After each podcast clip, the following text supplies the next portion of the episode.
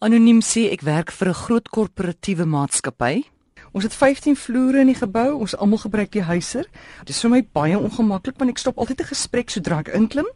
Veral as 'n ander mens in die huister is en neem die gesprek verder as ek uitklim. Maar dit is ongemaklik. Vat die trap. dit is goed vir jou gesondheid. Vir baie mense is dit die enigste oefening van die dag tensy jy die bode in die gebou is, dan gaan jy mal word. Alles wat sy sê is reg, moenie ongemaklik voel. Jy kry dit net uit jou stelsel, dit is hoe dit is. Daar's soveel boeke net oor huispakke. Daar's soveel websites net oor huispakke. Jy weet as basiese reëls, as daar 'n vol huispak is, hou jy nie die deur op nie mors tyd. As daar net een persoon is wat aankom, hou jy vir daai persoon die deur oop. Staan weg van die huispak as jy vir hom wag want jy weet nie of 80 of 1 mens moet uitkom nie. Iemand moet eers uit, gewoonlik in 'n tydens besigheidsure klim in groet vriendelik draai om kyk na die deur met jou rug na die mense en bly stil. Dit is die wet. En geen reuke van enige aard nie of dit onder jou arms of onder ander plekke uitkom nie. As jy baie in 'n huispak is moet higiëne en gastronomie en goed onder beheer gehou word. Dit is die grootste probleem wat mense in die korporatiewe wêreld het is die reuke binne in 'n huispak blykbaar Iemand stel gedagte gesprek nie tensy drie mense wat saam op 'n projek werk of drie mense wat mekaar ken of so 'n huispak is, gaan jy van nature begin praat. Maar vreemdes stel nie belang nie. Dit is nie 'n uur in die huispak nie, 15 verdiepings is glad nie baie in geboue wat deesdae 100 verdiepings het in die koöperatiewe wêreld nie. Jy klim in, knik jou kop groet vriendelik ook wat baie mense doen en dit is 'n aardigheid ek sien dit in 'n restaurant. Ek wil eintlik 'n boek daaroor skryf. Ek sit bydag weer op 'n lughawe in die besigheidslounge. Daar's 900 tafels en 8000 stoele oop. Nou kom iemand en sit direk langs my. Ek staan ek onmiddellik op en gaan sit op 'n ander plek. Dan kom die volgende persoon en sit daar.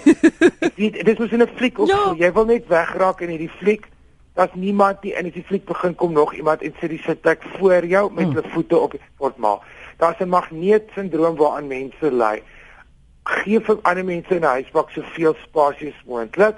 As jy 'n swaar pakkie het of 'n groot ding, sit dit voor jou voete neer, gee vir mense plek. Daar's baie baie reëls waarna mense moet gaan kyk. Maar moet glad nie ongemaklik voel en niemand is geïnteresseerd in twee mense se gesprek vir alles wat persoonlik van aard of geskinder is nie of 'n gegil nie.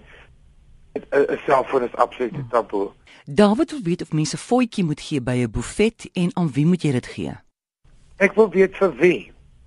Seker maar die ou wat van gewoonlik 'n paar mense wat rond staan agter die buffet.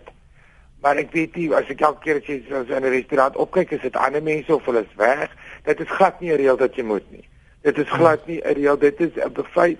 Ete word beman deur kom bysta wat nie voetjies ontvang of wat deel met die ander. Dit is Hulle kry gewoonlik 'n volle salaris terwyl 'n kelner werk vir 'n gedeeltelike salaris of geen salaris of 'n voetjie nie of 'n persentasie van hmm. hoeveel sy tafel bestel nie.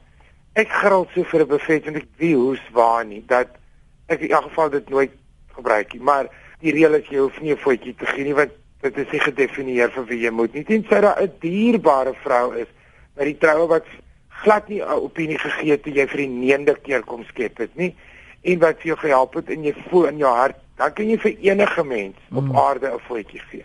Daar's nie 'n reël vir 'n bevyn. Dit is net baie grillerig want dit word bitter bitter min reg gedoen. Ek het al gesien, ek was onlangs weer hierso by 'n hotel in Pretoria wat 'n buffet doen wat ongelooflik gedoen is. Elke gereg is omtrent beman, hulle maak dit voor jou oë gaar. Jy kies letterlik die kos wat word tafel toe gebring. Maar daai wat jy in kantien staan loop, verstydig in 'n kettingwinkel waar al hulle kos oop is. Ek het so gegril. Ek weet nie wie vlieg daar in, wie nes gemaak, wie hoes, wie vat daar aan hoe moeg is dit en van die kos staan lank oop en uit die mynhuis uit al so 'n geel laagie beoor. Hmm. Jy kan dit ek gril my mos dit verseker. Op 'n fyn is 'n goedkoop ding. Dit is goedkoop vir die mense wat dit eet en is goedkoop vir die mense wat dit maak. Jou onkoste is minder en die verlies is minder. Dit is 'n ander ding oor 'n ontbyt buffet want gewoonlik is die warm kos en die worsies en die goeders onder 'n deksel en as iemand wat vir jou skep. Maar daai selfhelp stories ek graf my mos.